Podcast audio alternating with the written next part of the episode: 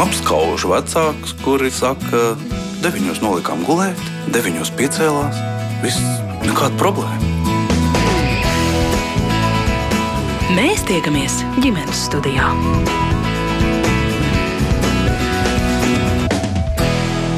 Labdien, klausītāji! Projekta skola 2030 ieviešana tuvojas noslēgumam, un šī gada beigās varēs teikt, ka skolās tagad ir vispārējās izglītības saturs un pieeja mācīšanai vecumām no pirmskolas gadiem līdz vidusskolai, kas ļauj, kā teikts dokumentos, gūt dzīvei mūsdienīgas uh, zināšanas, prasmes un attieksmes.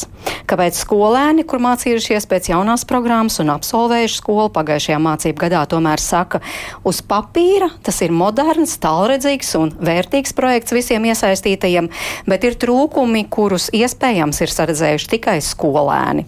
To vēlas noskaidrot raidījuma producents Armīt Kolāta, arī es raidījuma vadītāja Mairidz Notiņa, un šodien studijā pie mums ir viens no vēstules autoriem, Rīgas valsts otrās ģimnāzijas absolvents, šobrīd Rīgas juridiskās augstskolas students Toms Putniņš. Labdien! Labdien! Labdien arī izglītības ekspertei projekta Skola 2030 satura ieviešanas vadītājai Zanai Oliņai. Labdien. Labdien, arī Zanis, starp citu, rakstīja atklātu vēstuli pavasarī par šo projektu. Pie mums studijā arī Latvijas Universitātes fizikas, matemātikas un optometrijas fakultātes pētnieks un lektors, arī Rīgas valsts pirmās ģimnāzijas fizikas skolotājs Girts Zāģeris. Sveicināti. Un sveiciens arī Santai Kazākai no Valsts izglītības satura centra. Santa ir metodiska atbalsta departamenta pedagoģa profesionāls atbalsta nodaļas vadītāja, un uh, mūsu raidījumā piedalās šodien attālināti. Labdien! Labdien! Jā, bet tomēr vispirms vēršos pie Zana Soliņa. Zana, jūs visvairāk esat uh, gadu gaitā stāstījusi un stāstījusi par šo projektu un pārliecinājusi, cik tas ir svarīgs un nepieciešams. Un kāpēc tas ir jāievieš? Varbūt šajā brīdī es tomēr uh, lūkšu jūs vēlreiz atgādināt trīs būtiskas lietas, kāpēc jūs, nu, es tā vismaz ceru, joprojām uzskatāt, ka tas bija ļoti svarīgs un uh, nepieciešams solis. Jā, es joprojām esmu pārliecināta, ka tas tiešām bija un arī uz priekšu ir, ir ļoti svarīgs uh, solis. Uh, tas pirmais iemesls ir tas, ka uh, mums patiešām ir svarīgi, lai mūsu bērni spēja paveikt. Es teiktu, vairāk ar tām zināšanām, ko viņi iegūst skolā. Līdz ar to tas jautājums bija, kā mēs būvējam tālāk uz zināšanām šo spēju ar tām kaut ko darīt, attīstīt sabiedrību, būt arī laimīgiem cilvēkiem un būt nu, labiem kaimiņiem. So tā pirmā lieta bija tas saturiskais mērķis. Um, tas joprojām ir aktuāls un tas ceļš mums ejams vēl tāls. Um, tā otrā lieta bija tā, ka faktiski līdz šim mūsu sistēmā, līdzīgi kā jebkur, um, nu, mēs esam ļoti balstījušies um, uz nu, es, es teiktu, tādiem, tādu mērījumu par to, kā iet mūsu labākajiem skolēniem. Um, un, un šī uh, nu, satura pilnveids ietvarā um, tas mērķis ir būtībā uh, iesaistīt ikvienu gan spēcīgo skolēnu, gan to, kuram varbūt mācībās neiet tik labi. Faktiski mainīt veidu, kā mēs skolā domājam par mācībām, ka mēs sākam ar katru bērnu vajadzībām, un, un, un, un tas, ir, nu, tas ir ļoti būtisks mērķis, mums joprojām turp ir jāiet. Um, un tad, protams, ir vesela rinda tās struktūrālās lietas, kuras mēs uh, gan ar satura dokumentu palīdzību, gan arī ar dažādu pieredžu palīdzību mēģinājām līdz ar to nu, iedzīvināt, um, lai šis varētu notikt. Um, tas, ir, tas ir jautājums gan par dažādu līmeņu cilvēku atbildībām, gan arī Tie ir tām struktūrālām izmaiņām, par kurām droši vien mēs runāsim šodien visvairāk, kas ir, piemēram, vidusskolas modelis. Mums šobrīd ir uh, nozīmīgi atšķirīgs no tā, kā tas bija pirms tam. Um, lai būtu iespēja skolēniem vidusskolā jau šajā brīdī, uh, es teiktu, vairāk uh, iedziļināties, mazāk priekšmetos, lai uh, tādējādi iegūtu šīs te, nu, teiktu, patstāvīgā darba prasmes. Un vienlaikus arī patiešām jau skolas laikā saprast, kas ir tas, kas man interesē. Man nevajadzētu nu, katru nedēļas ietvarā nu, teiktu, pārslēgties uh, starp 18 mācību priekšmetiem, bet, piemēram, 12. klasē tikai starp 6, uh, kas ir pasaules praksa, tā ir organizētas vidusskolas. Uh, nu tā, es gribēju pieminēt tikai to, ka mums nekad nav bijis ilūzija, ka trīs gadu laikā šis viss ir ieviešams, projekta mērķis un arī mandāts bija uh, atbalstīt ieviešanas uzsākšanu. Un šobrīd ir tas brīdis, kad mums ir ļoti nopietni jāturpiniet tālāk, un ir vēl ļoti daudz darba darāms. Jā, Tom, jūs bijāt viens no tiem 160 jauniešiem, kuri vasarā tomēr rakstīja tādu atklātu vēstuli amatpersonām un teicāt, nu, teorētiski izklausās ļoti skaisti, un to jūs atbalstāt. Bet dzīvē viss ir citādāk, bet vispirms par to skaisto, ko jūs saskatāt, kas ir tas pozitīvais šajā projektā. Un es arī nešaubos, ka visi vēstules parakstītāji redz un tic šim skaistajam, to, ko skolai 20, 20 30 ir jā, jāizdara. Un, uh, tas ir nepieciešams. Es arī pilnīgi piekrītu par to, ka uh, vidusskolai ir jābūt tam momentam, kad tu jau esi izvēlējies, kur varētu būt tavs tālākās gaitas izglītībā, kur tu varētu studēt. Un vidusskola ir tas brīnišķīgais moments, kad tu vari arī saprast, vai tas ir tavs vai tas nav tavs. Un šie padziļinātie priekšmeti, šie samazinātie uh, mācību priekšmeti, kur beidzas 11. klasē, 10. klasē un 12. klasē, paliek tikai vairs pāris priekšmetu, kur arī būs saistīti ar tavu nākotni. Tas viss ir ļoti labi, un tas, es zinu, daudz, kuriem tas arī ļoti noderējis un palīdzējis. Es tā skaitā. Es ļoti labi apzinos to, ka, ja man fizika, bioloģija nebūtu beigusies 11. klasē, tad 12. klasē man būtu bijis daudz grūtāk ar tiem priekšmetiem, kur man tiešām interesē un kurus es tagad studiju procesā tālāk mācos. Mm. Līdz ar to konceptuāli es ja godīgi arī nezinu nevienu personu, kas iebilst pret skolu 2030 mērķiem un šo vēlmi realizēt uh, jaunu izglītību, kā tas tiek mums mācīts. Bet tā problēma, ko mēs saredzējām pēc šiem trīs gadiem vidusskolā, ir tās ieviešanas problēmas un niķi. Un, uh, tuvojoties mācību gadu noslēgumam, Viens bija tas, ka mēs tā klusībā zinājām, ka mēs esam bijuši tie eksperimentālie trusīši, ar kuriem vienkārši nu, tā sanāca, ka mēs esam pirmais gads, kuram tas projekts ir nācis virsū. Un, nu, tāds vienkārši ir. Dzīve ir tāda, nu, kā ir, tā ir jādzīvo. Bet tas, kas mums īpaši nepatika, bija, ka mēs neredzējām nekādu veidu, kā tas. Um, paliek pēc tam aiz mums, ka mēs kaut ko atstājām aiz sevis, ka bija tā sajūta, ka mēs līdz absolvējam vidusskolu un viss un tagad cilvēks centīsies aizmirst tās, tās niķis, ķibeles, kas ir notikušas. Tāda bija tā sajūta. Līdz ar to šī atklātā vēstule tapa, lai parādītu, ka skolēniem nav vienalga, kāds ir bijis šis vidusskolas posms, ka arī mums ir bijuši savi viedokļi, savas pārdomas par to, ko mūsuprāt varēja labāk, ko varbūt varēja pilnīgi citādāk.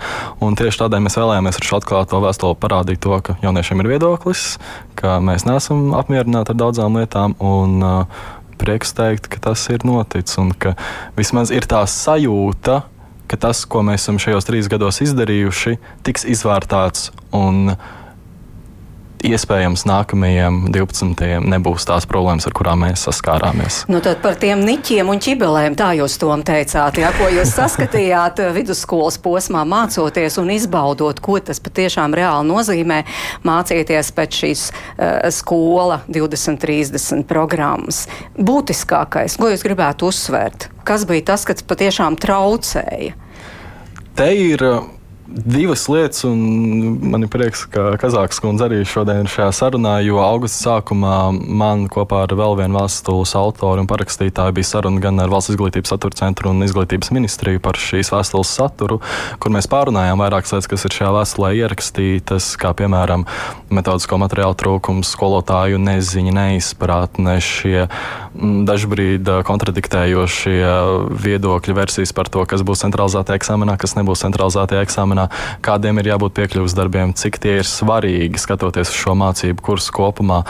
Uh, līdz skolēniem nonāca ļoti nevienlīdz, nu, nepilnīga informācija, tā gribētos teikt. Un cik mēs arī sapratām pēc šīs sarunas ar Valsts izglītības satura centru un izglītības ministriju, ka katrā skolā arī tā situācija ir daudz individuālāka, jo, piemēram, nu, labi, ne, neesmu naivs un tagad nebūs tā, ka es visu man apkārt teikt uzskatīšu par faktu, bet es ticu tam, ka bija ļoti daudz lietas, ko Valsts izglītības satura centrs nodeva tālākā informācija, un kamēr tā atnāca līdz skolēniem, tā informācija jau bija pilnīgi izmainījusies. Un tur ir jāskatās uz to, kā viss un izglītības ministrija tieši komunicē ar skolēniem, vai tas modelis, ka informācija tiek nodokta no augstākās instances pa visādiem metodiskajiem komisijām, kabinetiem, skolotājiem un tad līdz skolēniem, vai tas ir korekti. Un tad, un tad mēs esam sapratuši, ka Jā, ka komunikācija ir tāda liela problēma un uh, šī nevienlīdzīgā informācija, kas nonāk līdz skolēniem. Mm -hmm. nu, lai nu kādi būtu tur tie gaiteņi, pa kuriem tad tur plūst tās komunikācijas šurpu turpu, tur mēs neko neizmainīsim, bet jūs tā tad uzsvērāt, uh, tātad mācību materiālu trūkums, par ko runā visvairāk, tad tā tomēr varētu būt problēma numur viens. Te, te es vēlētos piebilst to, ka nav tā, ka mēs nevaram izmainīt tos gaiteņus, pa kuriem informācija plūst šajā sarunā par ko es minēju augusta sākumā, mēs eh, diezgan konstruktīvi arī izrunājām, kā mēs varam uzlabot šo komunikāciju. Ja tas jau nav nemaz tik grūti. Uh mhm. -huh. Vienkārši kaut vai e-klasē aizsūtīt vēstuli no vis, visiem skolēniem, kur ir tā informācija par tiem pašiem centralizētiem eksāmeniem, piekļuvas darbiem, kuri konkrēti izstāstīts, un ka tas ir tas dokuments, pēc kura var vadīties visu mācību gadu laikā, jo arī 12. klasē milzīga problēma, ar ko uh, mani klases biedri, mani draugi paziņas saskārās, bija tas, ka septembrī mēs zinām vienu informāciju, un pēkšņi novembrī sāk parādīties kaut kādas citas versijas, kas ļoti būtiski ietekmē nāk tālāko mācību gadu. Tie paši piekļuves darbi tur bija ļoti variējoši viedokļi par to, vai tas sastādīs tur procentuāli kaut ko no centralizēta eksāmena, vai tas nesastādīs. Un tad valsts izglītības satricējums teica, ka viņi vispār nebija neko tādu dzirdējuši, ka būtu kaut kādas tādas e, versijas un teorijas.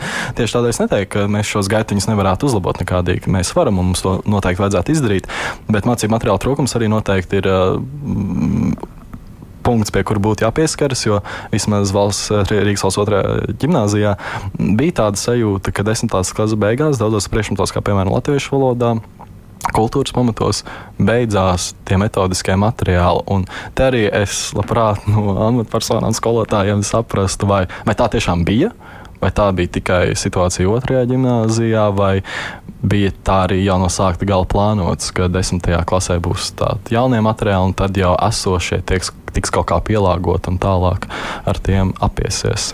Jā, nu varam pajautāt arī skolotājiem, ģirtam, kā ir ar tiem mācību materiāliem. Jo es atgriežos pie tā, ka par to patiešām visvairāk uh, tiek runāts un ka tie tiek uzsvērt kā viena no būtiskākajām problēmām, kāpēc varbūt nav izdevies viss tik labi, kā bija cerēts. Jūs droši vien par fiziku varat runāt. Es noteikti nu, varu. Vismaz pagātnē vispirms atskatoties, un pēc tam jau runāsim arī par šodienu. Jā, jā nu, es liecos piekrist, ka teiksim, tādi konkrēti materiāli, ko man darīt stundā, kā šīs projekta idejas realizēt, dažādiem dēļ tā arī neparādījās. Tas droši vien nebija arī plānojums, tāda nebija doma. Eh, bet mēs kaut kādā brīdī attapāmies realitātē, kur skolotāji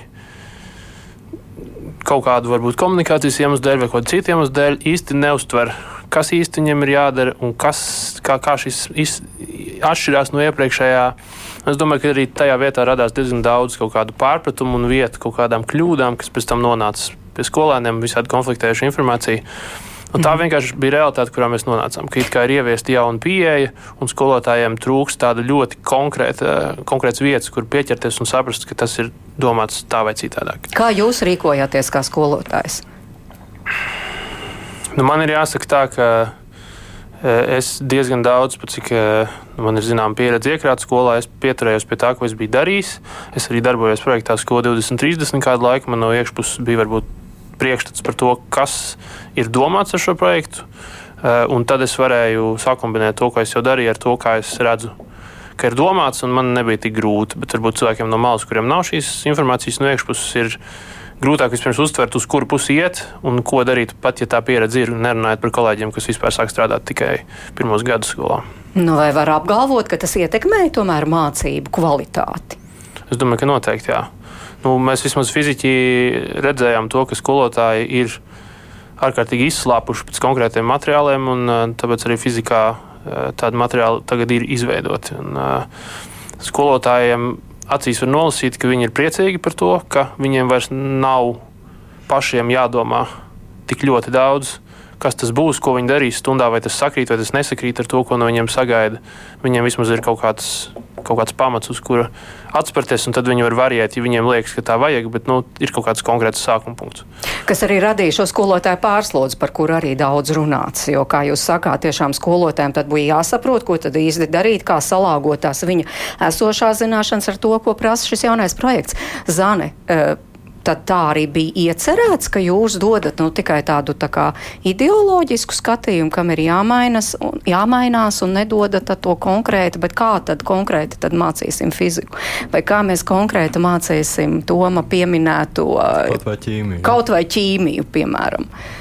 Um, nu, tā, tā, ka, nu, tā ir tikai vīzija, tā, tā gluži nav. Es, es domāju, ka tas, nu, tas process, kāds tas bija, ir nu, faktiski. Uh, nu, nu, jaunas lietas īsti citādā secībā nevar, nevar uztapt. Uh, nu, ja mēs gribam, uh, jo, jo, jo tādēļ, ka nu, iedomāties visu konstrukciju desmit gadus uz priekšu, kā tas varētu darboties, nu, vispirms ir jāuzzīmē nu, tā būva un ietvers. Un tas, un tas mūsu uzdevums bija uh, uzzīmēt tātad, uh, izglītības standartus. Tātad, kā, uh, kas ir tas, kas skolēnam jāiemācās rezultātā? Un, uh, un mums ļoti svarīgi saprast, ka Latvijā skolotāji vienīgā lieta, kas viņam ir obligāti, ir standarts. Viņam ir jāiemācās uz, uz katra trešā gada beigām noteikti skolēniem prasmes un zināšanas. Un tas ceļš, nu šobrīd jau 30 gadus skolotājiem ir viņa profesionālā lēmuma ceļš. Līdz to tas ceļš, kā viņš māca šo standartu. Gan pirms desmit gadiem, gan pirms 20, gan šobrīd ir skolotāja lēmuma jautājums. Un skolotājiem ir iespējas un tiesības kombinēt veidu, kā viņš to darīs. Uh, es domāju, uh, taču tas, lai mēs būtu, un es teiktu, nu, vairāk uz vienas lapas, un šis standarts tiešām izpildītos, tad tālāk projekts veidoja nu, veselu rindu nākamos signālus ar vien lielākā detalizācijas pakāpē, lai skolotāji līdzīgi sāktu saprast, ko mēs no viņiem vēlamies. Ja? Nākošais dokuments ir programma. Programmā ir temati, programmā ir uh, noteikts aktivitātes, ieteikts jau skolotājiem, ko, ko viņš var darīt, lai šo tematu iemācītu.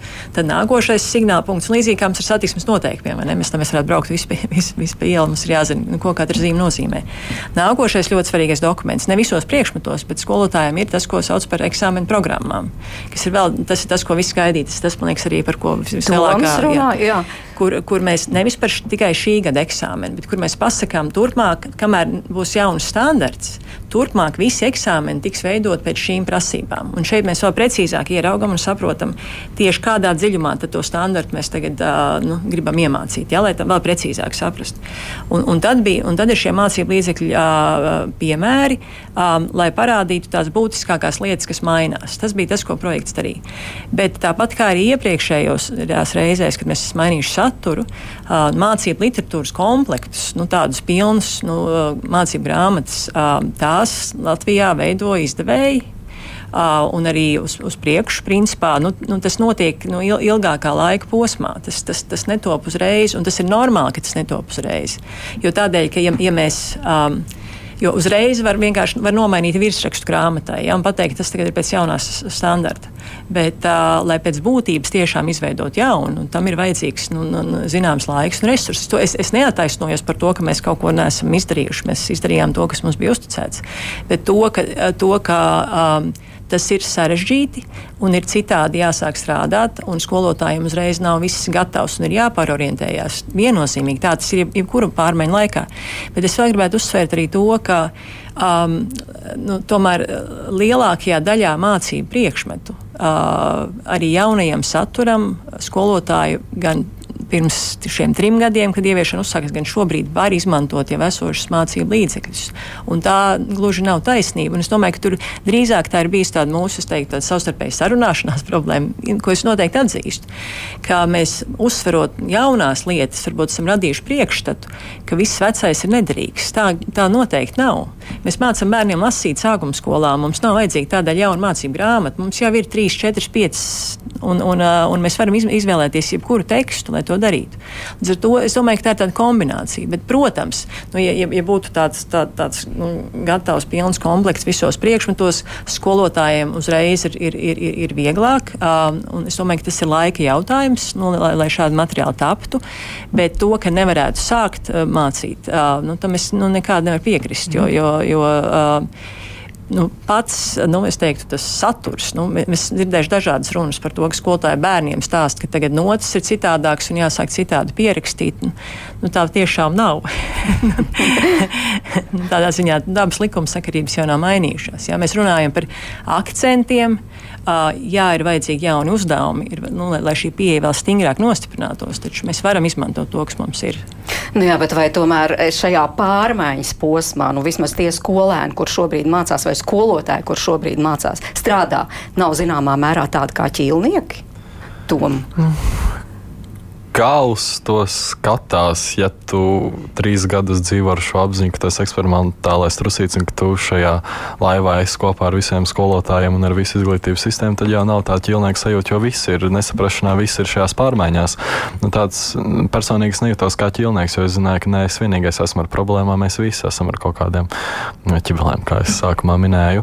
Bet tas, kas man interesē, ir par, šiem, par šīm akcentu maiņām un mācību līdzekļiem, ja grāmatas paliek tās pašas vienkārši savā prātā sāku domāt, vai tam tomēr nevajadzēja iet kaut kādā ziņā roku rokā. Skaidrs, ka mums ir mācību materiāli jauni, bet vai tomēr tām pārmaiņām vai tam materiāliem nevajadzēja jau būt pirms šis viss sākās, jo šajā gadījumā labi ir struktūrāls pārmaiņas gan ar eksāmeniem, gan ar padziļinātiem priekšmetiem, ko ir ieviesusi šī reforma, bet tīri saturā labi, akcenti ir mainīti, bet tās grāmatas paliek tās pašas. Tur jau savā ziņā saturiski tas netik ļoti mainās.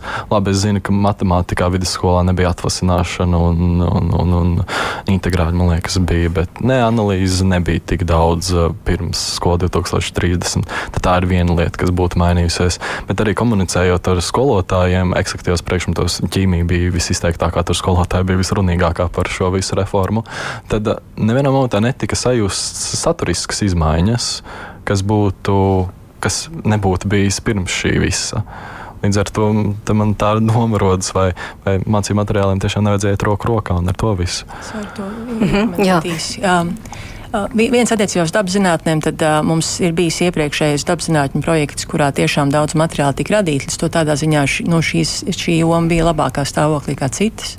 Bet es, es piekrītu noteikti uh, tom tai domai, ka normālā pasaulē būtu labi, ja mums būtu uh, nu, tāda, um, es teiktu, um, kapacitāte um, visu laiku um, faktiski nu, pilnveidot mūsdienīgo saturu un mācību līdzekļus. Un tas ir tas, kas mums ļoti, ļoti pietrūka. Un, un tas ir tas, manuprāt, es domāju, ka šī saruna par projektu izvērtēšanu uh, ir ļoti svarīgi nu, vērst virzienā. Uh, ja, ja mēs joprojām esam nopietni par šī, par šī, nu, par šī mācību satura pilnveids mērķi, Runa nav par kaut kādu projektu, runa ir par, par pilnveids mērķi.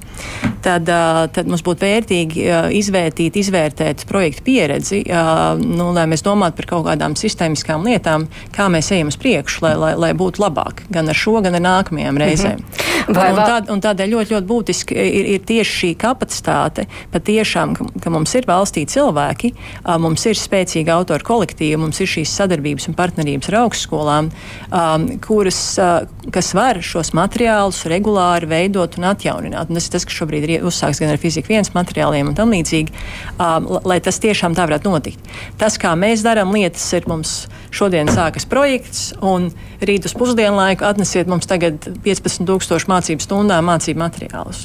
Un, un, un tā, tā tas vienkārši nevar notikt. Un mēs paši šobrīd esam, nu, teiktu, kā, nu, kā pieaugušie šajā valstī, sev tajā situācijā nolikuši. Tas, tas noteikti ir nepieņemami. Nu, noteikti nepieņemami. Jā, Santa, nu, valsts izglītības satura centrs varētu teikt, ir tas vētītājs un līdzi sekotājs, kas un kā notiek un ko ir laika gaitā jāmaina, lai tiešām tā pārēja būtu pēc iespējas gludākā un, un netaptu vairs šādas skolēnu vēstules, ka, ka uz papīra viss izskatās labi, bet dzīvē viss ir citādāk. Kas ir šobrīd tie, ak, tās aktuālākās lietas, ko jūs redzat un pie kā jūs strādājat? Jā, es domāju, ka vēstule bija vērtīga, tāpēc, lai mēs satiktos sarunā ar skolēniem un saprastu to, ka ka abās pusēs mums ir komunikācijas barjeras bijušas. Un es domāju, ka šis ir vēstules nozīmīgākā loma, bet es atrodos pašlaik eh, Valmīras pārgājas valsts ģimnāzijā, un šeit es mācu 12. klases, un te pats sēž 12. klašu puišu klase. Un, uh, tas, ko jūs vaicājat, ir cieši kontekstā ar to, ko es daru. Jo ir skolas, kurās uh, šis projekts iedzīvojās krietni veiksmīgāk. Un uh, skatoties jau pamazām pētniekiem demonstrējot datus par ietekmes mērījumu, parādās, ka pilotskolās šis progress ir krietni augstāks. Un arī man pašai ikdienā, ejot pie 12. arī pagājušajā gadā, bija iespēja tieši tam, ko minēja Girts, stāstīt šo kopējo situāciju, šo, kāpēc ir nozīmīga pieejas maiņa, cik ļoti nozīmīgi ir strādāt uz rezultātu, kāpēc ir svarīgi strādāt uz prasmēm. Un līdz ar to tas, kā mēs katrs šo pieņēmām kā pedagogs un ieviesām to stundā, protams, bija atkarīgs no tā, kāda mums bija pieejama informācija, bet otrs, cik ļoti mēs gribējām to darīt, vai cik ļoti vispārējo daudzo mainīgo iespaidā mēs izvēlējāmies atrast kaut ko vienu iemeslu, kāpēc šiem mainīgajiem nepakļauties. Un tāpēc, skatoties no valsts izglītības centra pozīcijām, redzams ļoti precīzi soļi. Mēs pamazām esam apjautuši tās lietas, nu, kaut vai jau pieminētā komunikācija, dodiet informāciju skolēnam, neatstājiet to tikai skolotāju ziņā, dodiet informāciju, kur šie, šie konkrētie materiāli ir pieejami. Un tagad, tikko minot ģirta stāstu par fizika viens, Es neesmu pārliecināts, vai visi pārliecināti, vai visi fizikas skolotāji ir reizi dzīvē bijuši skolo LV vidē. Un tas ir vēl viens jautājums, kuru noteikti vajadzētu aktualizēt. Līdz ar to vienmēr ir kaut kas, kas nav izrunāts, bet šajā brīdī es priecājos, ka jūs to aktualizējat, un daudzie skolotāji, kuri varbūt to nekad nav izmēģinājuši, iepazinuši, tagad ir iespēja ar to darboties. Jā, nu, protams, kā skolotāja nostājai ļoti būtiska nozīme. Vai arī skolotājs uzskata, ka tas ir vajadzīgs, vai uzskata, ka labāk uh, bija dzīvot pa vecam, protams. Es atgādināšu mūsu klausītājiem, tātad šodien runājam par skola 2030, par šo tiešām grandiozo izglītības sistēmas maiņu visā sistēmā, pat no pirmskolas līdz vidusskolai. Un uh, pie mums uh, šodien studijā ir gan Toms Putniņš, Rīgas juridiskās augstskolas students, kurš beidzot vidusskolu rakstīja vēstuli, ka viss nav tik labi, kā vajadzētu būt. Pie mums arī Zana Oliņa tiešām visvairāk līdz šim esat, esat viņu dzirdējuši stāstot par projektu skolu 2030. Zana šobrīd ir izglītības eksperta. Pie mums arī Girts Zāģers, kurš ir fizikas skolotājs Rīgas valsts pirmajā ģimnāzijā. Un pie mums arī Santa Kazāka, kas pār pārstāv valsts izglītības un satura centru, bet eh, tiešām skolotāji ir vieni, kuri tā kā norobežojas un māca pa vecam, bet otri, kuri aktīvi domā, kā darīt labāk. Un tiešām fizikas skolotāji pateicoties tam, ka jums bija atbalsts arī no Latvijas universitātes kolēģiem un arī no nozars pārstāvjiem, jūs tomēr eh, teicāt, ka nu, mēs gribam citādāk un radījāt tādu standartu pamatskolām, eh, skaidru tādu līniju, kā tad mācīt fiziku, vai varbūt jūs man labojat labojiet. Kā tas būtu Man vajadzēs stāstāms? Drusku, drusku labot, jā. tas, kas ir izveidots šobrīd, ir uh, fizika viens kursam, kas ir vidusskolai uh, obligātā daļa.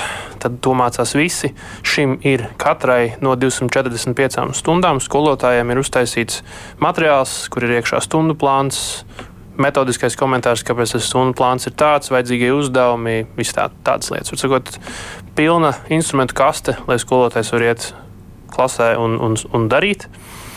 Um, un te es gribu varbūt atspērties no tā, ko Santa minēja.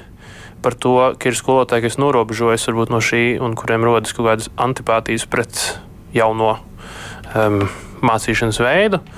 Uh, tad šis projekts, ko mēs realizējām, tikko izveidojot šos materiālus, bija tāda situācija, kur sanācām kopā un sapratām, ka fizikiem ir arī pietiekami daudz cilvēku, kam ir šāda sajūta, un ir mūsu uzdevums tagad ar to tikt galā. Acīm redzot, kaut kādu kļūdu dēļ ir izveidojusies situācija, kur cilvēki ir negatīvi noskaņoti, bet tā jau nav paša skolotāja vaina. Tur bija droši vien kaut kas jādara citādāk, un tad mēs identificējam, ka veids, kā palīdzēt, ir izpildīt šo vēlmi skolotājiem, ka viņi gribētu, lai viņiem ir viss materiāla komplekts. Tur nav nekā jauna, tur nav jaunas grāmatas. Tur ir viss tas pats, kas jau ir bijis um, savākts kopā un sakomplektēts tā, varētu, es varētu lietot tādu apzīmējumu, ir iztulkots uh, tas jaunais projektā uz konkrēti uzrakstīts uz papīra, kā šo darīt. Tas bija diezgan milzīgs darbs, bet tā bija vienkārši situācija, kur mēs sapratām, ka lai skolotājiem gribētos tās izmaiņas ieviest, viņiem ir skaidri jāspēj saprast, kas ar to ir domāts. Mm -hmm. Un praksa rāda, ka tādā brīdī, kad skolotāji to saņem, viņi pēkšņi kļūst uh, laimīgāki ar dzīvi un um, kaut kā pozitīvāk uz to skatās. Un, un tāpēc mēs to arī darījām. Bet jūs teicāt, tas nav būtiski jauni. Tas mācību materiāls nav būtiski jauns, bet kas tur ir citādāks? Jā, te es gribu arī skolēniem darīt zināmu šo, ka Zana ļoti pareizi atzīmēja. Saturs jau var palikt tas pats, bet, ja mēs mainām pieeju, mums tāpat ir jārāda piemērs, ko tas īsti nozīmē. Jo skolotājiem pateikt, ka jūs jau varat ņemt visu, kas bija iepriekš, bet jums ir jādara citādāk, ir nu, grūti saprast, ko jūs gribat, lai es daru. Un šīs materiālos faktiski tā vērtība ir nevis tādās uzdevumos, vai kontroldarbos, vai laboratorijas darbos, kur īpaši nav mainījušies. Varbūt drusciņi bet drīzāk tajā paskaidrojumā, kas ir klāts šiem uzdevumiem, šīm stundām, kāpēc konkrētais autors ir stundu izveidojis tā. Kādas prasmes mēs šeit trenējam, ko tas nozīmē skolēniem, kā tas ierakstās ar vispārējo. Šajā punktā ir tas jaunums, kas palīdz skolotājiem saprast, ka, kas tas ir, tieši tie skaidrojumi. Jā, jo pats tas kā, saturs, tīri uzdevumi, tie ir tie paši, bet tieši šis skaidrojums, manuprāt, ir jaunais, un tas ir tas, kas ir pietrūcis līdz šim. Nu, bet tas skaidrojums jau tomēr palīdz skolotājiem ne tikai nu, patiešām mācīt citādi. Nu, vismaz ar citām metodēm. Jā, jā, tieši tā. Tur ir kā reizes ir metodas, eh, izrakstītas dažādas uh, Eh, paskaidrotas, kā šīs jaunās prasme lietas, eh, jo teiksim, mums eh, valstī šeit ir liels fokus konkrēti uz satura lietām, uz to, vai tu zini konkrēto likumu, konkrēto formulu, konkrēto teikumu konstrukciju, ja? tad tur ir mazliet atvilkt atpakaļ kameru un parunāts vairāk par to, ko, kas notiek galvā cilvēkam, kad viņš šo dara, kā viņš mācās to vai citu prasmi. Jā. Mhm. Jūs varētu ar kādu īsu piemēru paraksturot? Nu, piemēram, prasme, ko mēs varbūt visi skolā esam mācījušies, ko tagad māca citādāk? Es neteiktu, ka tā ir varbūt arī prasme, ko mēs. Vai, vai zināšanas no fizikas, kaut kādas elementāras lietas, ko ne, ne, mēs nu, mācījāmies. Teiksim, eh, man skolēni eh, katreiz piemērs no dabas. Eh, kontroldarbos parādās vairāk man uzdevumu, kur viņiem ir vienkārši ar vārdiem jāskaidro kaut kādas lietas. Viņi jūtas nekomfortabli, jo viņi to ir darījuši relatīvi maz, jo parasti ir nu, jāizrēķina uzdevums vienkārši matemātikā, fizikā ir jāizreķina uzdevums. Tad to nozīmē zināt fiziku. Bet tur ir daudz kas cits. Tur ir jāmāk izskaidrot kaut ko, tur ir jāmāk eh, varbūt argumentēt kaut, kaut kas par pret. Un ir, tas ir cits griezums, kurā tā zināšanas nāk ārā. Zana pieminēja šo, ka mēs mēģinām dabūt, ka skolēni var vairāk ar to zināšanu bagāžu. Un tieši šīs varbūt atšķirīgās lietas, kas parasti nav bijušas, ir tas jaunais, ko mēs mēģinām izskaidrot, kā, reiz, kā tas izskatās stundās. Kas viņiem varētu palīdzēt arī nākotnē, piemēram, labāk nokārtot fizikas eksāmenu, par ko tagad daudz runā un par ko varētu tiešām jaunieši ir nopietni satraukušies. Nu, ne, tikai nokārtot eksāmenu, protams, tas tā ir. Bet nu, gal galā mēs vienkārši gribam cilvēkus, kas kritiskāk domā un labāk māk izvērtēt informāciju ikdienā, kā fizikā, tā citos priekšmetos. Mhm. Zāni, jūs gribētu papildināt? Jā, es gribēju tādu lietu, jo jā, tad, man liekas, ka ir svarīgi um, nezinu, kaut kā padomāt citādi par domu. Ja kāds kaut ko nesaprot ar pirmo reizi, uh, tas nenozīmē, ka ir bijusi kaut kur kāda kļūda. Nu, ja, mē, ja mēs gribam, lai ir citāds rezultāts, mums ir jādara lietas citādi. Nu, visdrīzāk, bieži tā ir. Un, un, un, un tas, ko mēs mēģinām panākt, nu, nu, īstenībā ir diezgan kompleksa lieta. Un, līdz ar to tas ir normāli, ka cilvēki nesaprot uzreiz, Tas ir normāli, ka mums ir vajadzīgs ilgāks laiks, tā skaitā ar tiešām konkrētiem piemēriem, ar atbalstu materiāliem, lai, lai šī skaidrība veidotos. Uh, bet beigu galā uh, mēs nevarēsim, jo tās lietas, ko ir būtiski dzīvē iemācīties, gan īsti nekad nevar, no, ne, nevar novērtēt ar vienkārši nu, uh, nu, viegli saskaitāmām lietām. Un, un tādēļ es arī, arī es domāju, tas ir viens no tiem iemesliem, kādēļ arī vidusskolēniem šī lielā nenoteiktības sajūta ir radusies, kur skolotāji ļoti dažādi interpretē. Un tagad mēs skatāmies, ka tur tiksim, kritērija apraksti ir tādi, ka neviens īsti nesaprot, ko tie nozīmē. Uh, nu, tādu, ide, tādu kritēriju aprakstu, nu, lai vērtētu kaut kādu skolēnu sniegumu. Nu, vai tas būtu teiksim, nu, kāda eseja vai, vai, vien, vai vienalga teiksim, nu, garāka atbilde fizikā. um, tās lietas, ko tur būtiski novērtēt, nevarēs novērtēt vienkārši saskaitot, cik ir, ir ielikt visi komati. Kas ir, kas ir tas, ko ir ļoti viegli novērtēt, to mēs uzreiz ieraugam, mums viss ir skaidrs tajā brīdī, kad mēs ejam uz kompleksāku rezultātu, kur ir kvalitātes gradācijas. Tur tas veids, kā mēs varam nonākt pie vienas izpratnes par to, vai šis darbs ir labs vai nē, ir ļoti, ļoti daudz savstarpēju sarunu piemēru izvērtējumu rezultāts. Lai mēs saprastu, nu, un līdzīgi skatītos uz kvalitāti, um, tas nav par to, cik precīzi uzrakstīts viens papīrs tikai. Tas ļoti, ļoti ir par to, vai mēs sarunājamies, tā skaitā skolas ietvarā, arī ar saviem skolēniem. Šie skolotāji, kas te māca, šie skolotāji ir valsts gribas satura centra eksperti, vai mēs vienādi redzam to kvalitāti. Un tas ir, tas ir ļoti sarežģīts, uh, sarežģīta lieta. Jo, ja mēs gribam tā, lai skaidri viss tā, ka mēs varam saskaitīt, tad mēs turpināsim mācīt tikai viegli saskaitāmas lietas. Un tad gan būs nu, tiešām milzīga problēma. Mm. Tas, to, tas ir tas objektīvi tā ir. Bet tas nozīmē, ka mums ir jārēķinās, ka mums vajadzīgs daudz ilgāks laiks Nu, šo sarunu procesam, un mēs nonākam pie vienas bildes.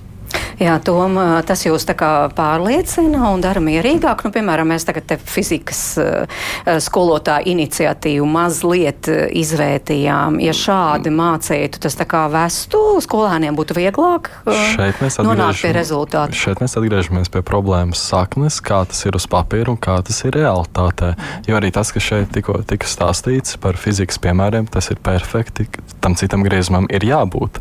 Bet viss aprobežojas pie tā, vai skolotājs to arī realitātē darīs. Vai viņš mums mācīs ar to citu griezumu, vai viņš paliks pie tā, kāds ir bijis. Un te ir visticamāk jāpiemina visi šie webināri, kā skolotāji tika apmācīti, cik viņi tika informēti par to. Es zinu, ka daudzi tika apmācīti, un tas arī klases solā reiz nolasījās, vai ir izpratne par to, ko pats skolotājs māca, vai viņš saprot to, kas viņam ir uzticēts, vai viņš saprot to stundas tēmu, mācību tēmu. Un tad arī bija uh, no draugiem paziņām dzirdamas grūtības par daudzu priekšmetu sasniedzamo rezultātu interpretācijas no skolotāja puses. Bioloģijā es zinu, Jālgavā bija atšķirības par to, kā tas mainās un kā to sasniedzamo rezultātu novest līdz beigām. Pat ja tas beigās nav, ne, ne, nav nekas sarežģīts, bet varbūt uz papīra tas izklausās daudz. Uh, daudz, daudz masīvāk un kompleksāk, kāds patiesībā ir. Te, man liekas, ir svarīgi pievērsties tai problēmai, cik daudz skolotāju tika apmācīti, cik viņi tika interesēti, cik viņi bija interesēti, lai sevi izglītotu, cik valsts viņus motivēja ar atalgojumu un attieksmi, lai skolotājiem būtu motivācija vispār šo visu jauno reformu pieņemt. Un realitātē tā arī skatoties, šeit var gudri runāt, un reforma ir joprojām ļoti laba.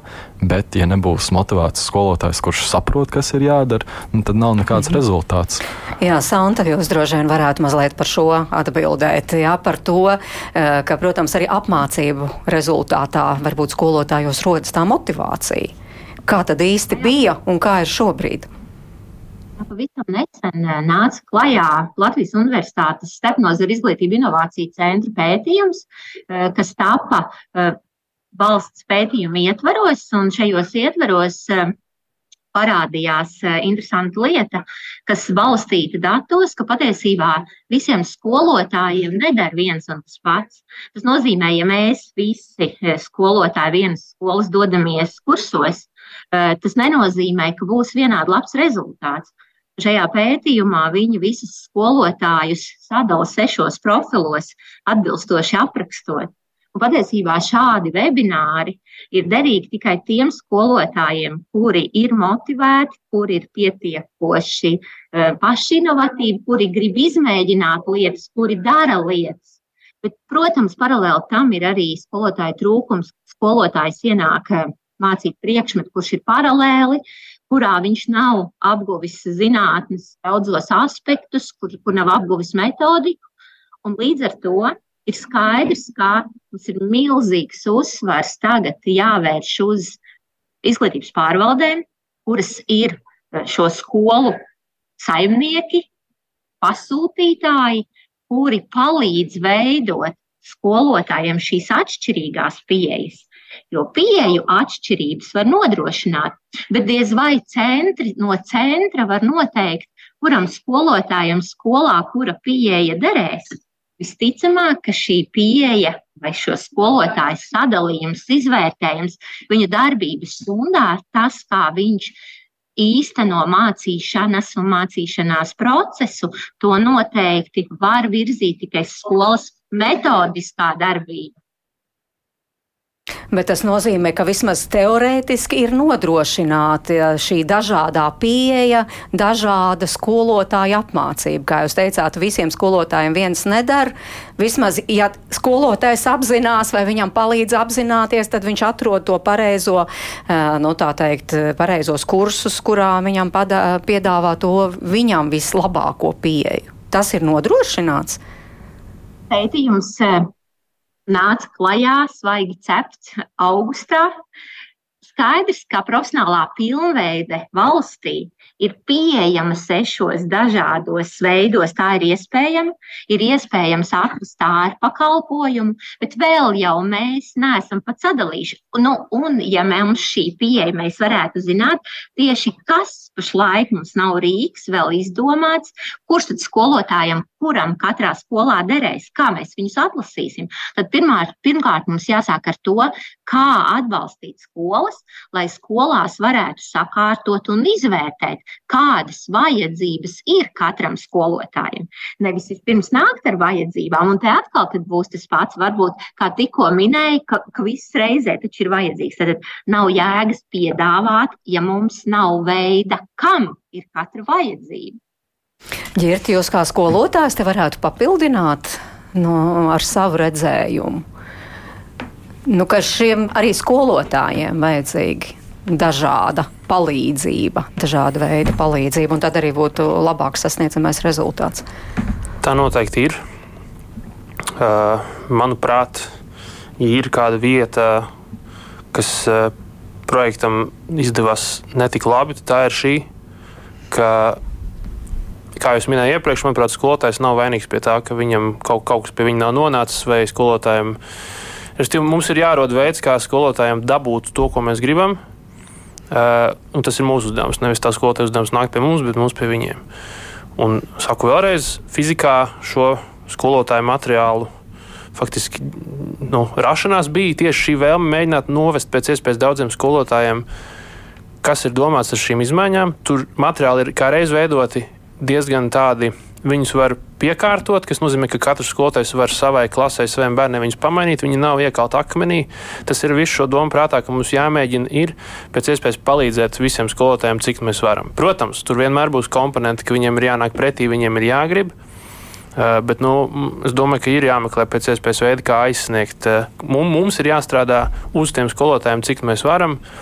Uh, un jāmeklē veidi, kā, kā palīdzēt visiem, cik nu tas ir iespējams. Mm -hmm. nu jā, tagad aktivizējas ne tikai fizikas skolotāji, tagad ārkārtīgi aktīvi ir arī vēstures skolotāji, kur uzskata, ka tā bija kļūda, ka, piemēram, vēsture izslēgta vispār no vidusskolu mācību satura. Par uh, latviešu valodu skolotāju, nu tagad jau skaļi runā, ka vispār tur ar to gramatiku kaut kas viss galīgi sagājas pēc jaunā projekta šķērsām un vairs īsti skolēniem nevar iemācīt tik labi, kā varēja iemācīt un tam līdzīgi. Varbūt tas ir ceļš teiksim, ka tiešām šie jomas skolotāji labāk redz tās savas problēmas un labāk redz, kā tad savienot tās, tās zināšanas ar tām jaunajām pras, prasībām. Ir, ir jau tā, ka jauno saturu un arī nu, gan programmas, gan mācības paraugus arī veido jomas skolotāji. Nu, viņi ir tieši, tā, viņi pārstāv tieši, ir tāpat savas jomas pārstāvi kā tie, kur šobrīd, īstenībā tie, kas šobrīd varbūt nepiekrīt kādām lietām, lielākā daļa bija iesaistīta mācību satura izstrādē. Um, Es, es domāju, ka mums ir ļoti, ļoti svarīgi, jo man liekas, tā, tā, tā problēma, ko Toms aktualizēja par to, ka mums tiešām visiem interesē, lai, uh, lai uh, skolēna nu, izglītības gaitas nebūtu laimes spēle. Nu, ir fundamentāls nu, kvalitātes vadības jautājums valstī. Un, uh, un tā, tā ir arī tie, nu, tas ir tieši tas izaicinājums, arī, ar ko mēs saskārāmies projektā. Tā skaitā arī es nu, noteikti piekrītu, ka tas ir mūsu milzīga atbildība tikt līdz katram skolotājam uzrunāt. Uh, Nu, to, tas, kas mums ir jāturpina darīt, viens, nu, es domāju, ir, jāturpina uzturēt, ka šis mērķis mums joprojām ir svarīgs. Un pašlaik, nu, šī brīža, nu, es teiktu, politiskajā klimatā es, es nedzirdu, ka mums šis mērķis joprojām ir svarīgs. Ir nonākt pie skolas, kurā katrs bērns to piesaistīts, un nonākt pie skolas, kurā tas sasniedzamais rezultāts ir tāds, kā ir definēts jaunajā saturā. Tas nākamais solis ir skatīties, kā mēs tiekam pie uh, skolu vadības komandām, uh, kuras ar saviem skolotājiem arī strādā un sarunājas. Uh, paralēlais solis ir valsts līmenī. Mums ir jāturpina uzturēt un būvēt ekspertīzi, lai katru šo jomu turpinātu attīstīt, un mums būtu tiešām šī kapacitāte, lai skolotājs metodiski mēs varētu atbalstīt. Un jā, lai skolotājiem skolā uz vietas būtu nu, tās profesionālās pilnveidas iespējas atkarībā no tā, kas ir tie viņa nu, teiktu, mērķi un izaicinājumi, pie kā viņam būtu jāstrādā. Um, un, un, un līdz ar to ir vesela rinda ar, mājas darbiem, kas mums jāturpina darīt. Projekta ietvaros arī bija 20,000 skolotāji jā, mācījās profesionālās pilnvērtības mācībās. Te nav runa par webināriem, te ir runa par konkrētām mācībām. Bet, protams, ka tas nav pietiekami.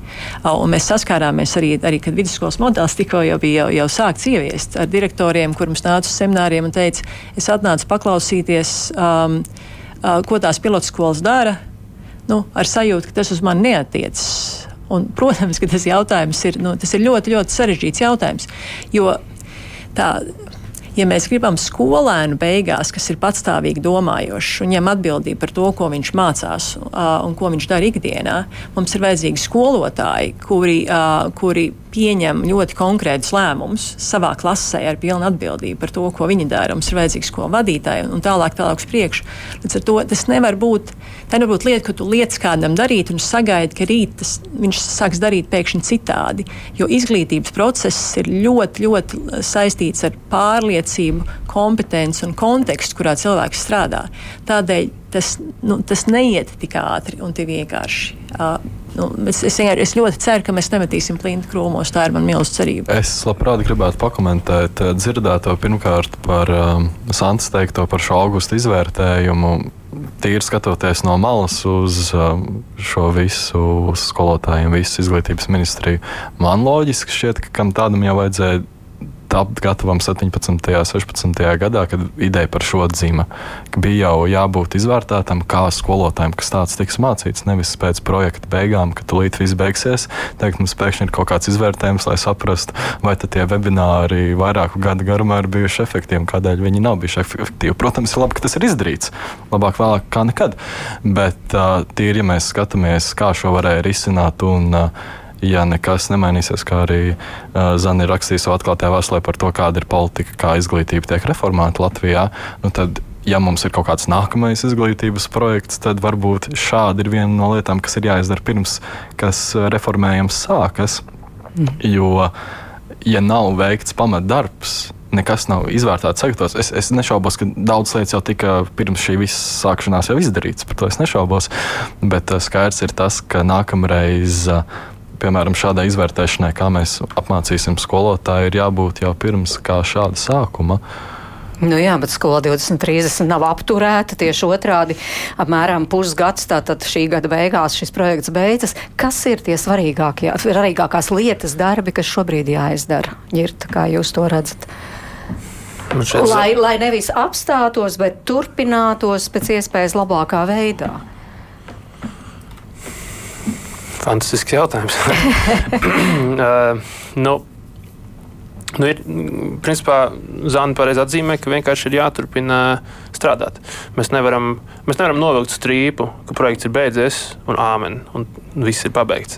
Uh, mums ir šīs sarunas gaitā paceltie jautājumi. Kaut kur kādam visu laiku ir jāuztur, jāturpina palīdzēt skolotājiem. Tas ir tāds tiešām, kā Zana pareizi norāda, process. Mēs, nu, mums jāizma, jā, jāizvairās no kaut kāda tāda grāmatas aizvēršanas mirkļa. Un visu laiku jā, jāuztraucas par šiem jautājumiem. Labi, ka mēs viņus šodien cilājam, jo bez tā mēs uz priekšu netiksim. Santa, jūs redzējums? Man liekas, ka pirmais, kas mums ir jāiemācās, ir, nu, varbūt šis vārds nav ļoti pareizs šajā gadījumā, bet kā skatīt šo procesu, kā centrs atbalsta novadu, metodisko darbību, un novads skatās uz savām skolām. Un skolās savukārt skolas metodiķis vai skolas vadība skatās uz saviem skolēniem.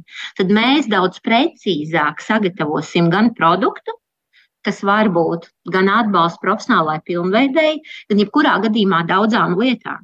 Tāpēc, ka tajā brīdī būs vislielākais atbalsts visprecīzākai mērķa grupai. Un noslēdzot šo sarunu, es gribu tomēr nolasīt arī, ko mums raksta klausītāji. Nu, piemēram, Inēta raksta, priecājos, ka vecākais bērns paspēja absolvēt vidusskolu pirms skolas 2030, tagad ar skumjām un šausmām skatos, kā jaunākā bērna mācība process tiek degradēts, visur tiek sagrābstīts no visa bez jēgas un dziļākas izpratnes veidošanas. Ne no viena skolotāja neesmu dzirdējis labas atsauksmes par šo projektu, lieka birokrātija un joprojām skaisti raksti viss ir tikai uz papīra. Uh, tad, piemēram, kāds klausītājs raksta Zana Soliņas teiktais, ka tas ir normāli, ka uzreiz nebija mācību grāmatas, ir pilnīgi garām. Bieži stundās nesapratu, kur ņemt uzdevumus, aizgāja no darba skolā pateicoties šim nu, tieši marasmam, kā mums raksta, kas sākās ar skolu 2030. Anna mums raksta ir izstrādāta izglītības programma, moduļi profesionālās vidusskolas specialitātēm, kurām vispār nav mācību līdzekļu, īpaši retākām profesijām, lai iemācītu pro profesiju. Jāmāca ir arī teorija, un tas nozīmē, ka katram profesijas skolotājam jārada sava teorijas bāze, bet laikam uz šo profesionālo izglītību skolu neatiec skolu 2030. Katrīna raksta piekrītu Kazā Kazākas kundzei par to, ka skolotājiem ir jāgrib kaut ko mainīt un uzlabot, bet kāda ir motivācija strādāt labāk, ja skolotājs ir skolā jau gadus 30 un ļoti labi zina, ka viņu neatlaidīs. Tā situācija ir tāda, ka skolotājs gaida pensiju, nevis cenšas būt labāks speciālists. Un Ilze nodrošiniet, lai pie katras tēmas ir norādīts tās apguvē izmantojamie avoti. Precīzi kaut vai vecās grāmatas nodaļa un skolotāja trūkuma dēļ vecākiem nāks palīdzēt, bet grūti saprast, kuri materiāli izmantojami. Un dažkārt skolēniem dažādu iemeslu dēļ kavē stundas, vēlas paši apgūt, ko palaiduši garām. Nu jā, un tad Normunds vēl secina medicīnu. Te nu mēs esam, paņēmām no citām valstīm mācīšanās koncepciju, testa pārbaudi, tur, kur krustiņu nulītes un tam līdzīgi. Nu, Jā, nezinu, ko jūs, Zane, skatos uz jums, mums ir jābeidz programma, ko jūs atbildētu? mūsu klausītājiem, kuri klausās un šādi komentē. Es, es domāju, ka nu, gan projekta īstenošanas gaitā, kā daudzos citos pārmaiņu projektos, protams, ir lietas, kuras noteikti var un varēja darīt labāk. Um, Uh, visvairāk es domāju tieši, tieši uh, visām iesaistītajām pusēm, uh, tiešām tiekot vienam pie otra, nu, tā lai mēs dzirdam, ko otrs saka. Um, es domāju, ka tas ir tas, kas ir noteikti jāturpina uz priekšu. Um, es uh, domāju, ka mums ir ļoti svarīgi turpināt sarunāties par to, ko mēs gribam panākt rezultātā.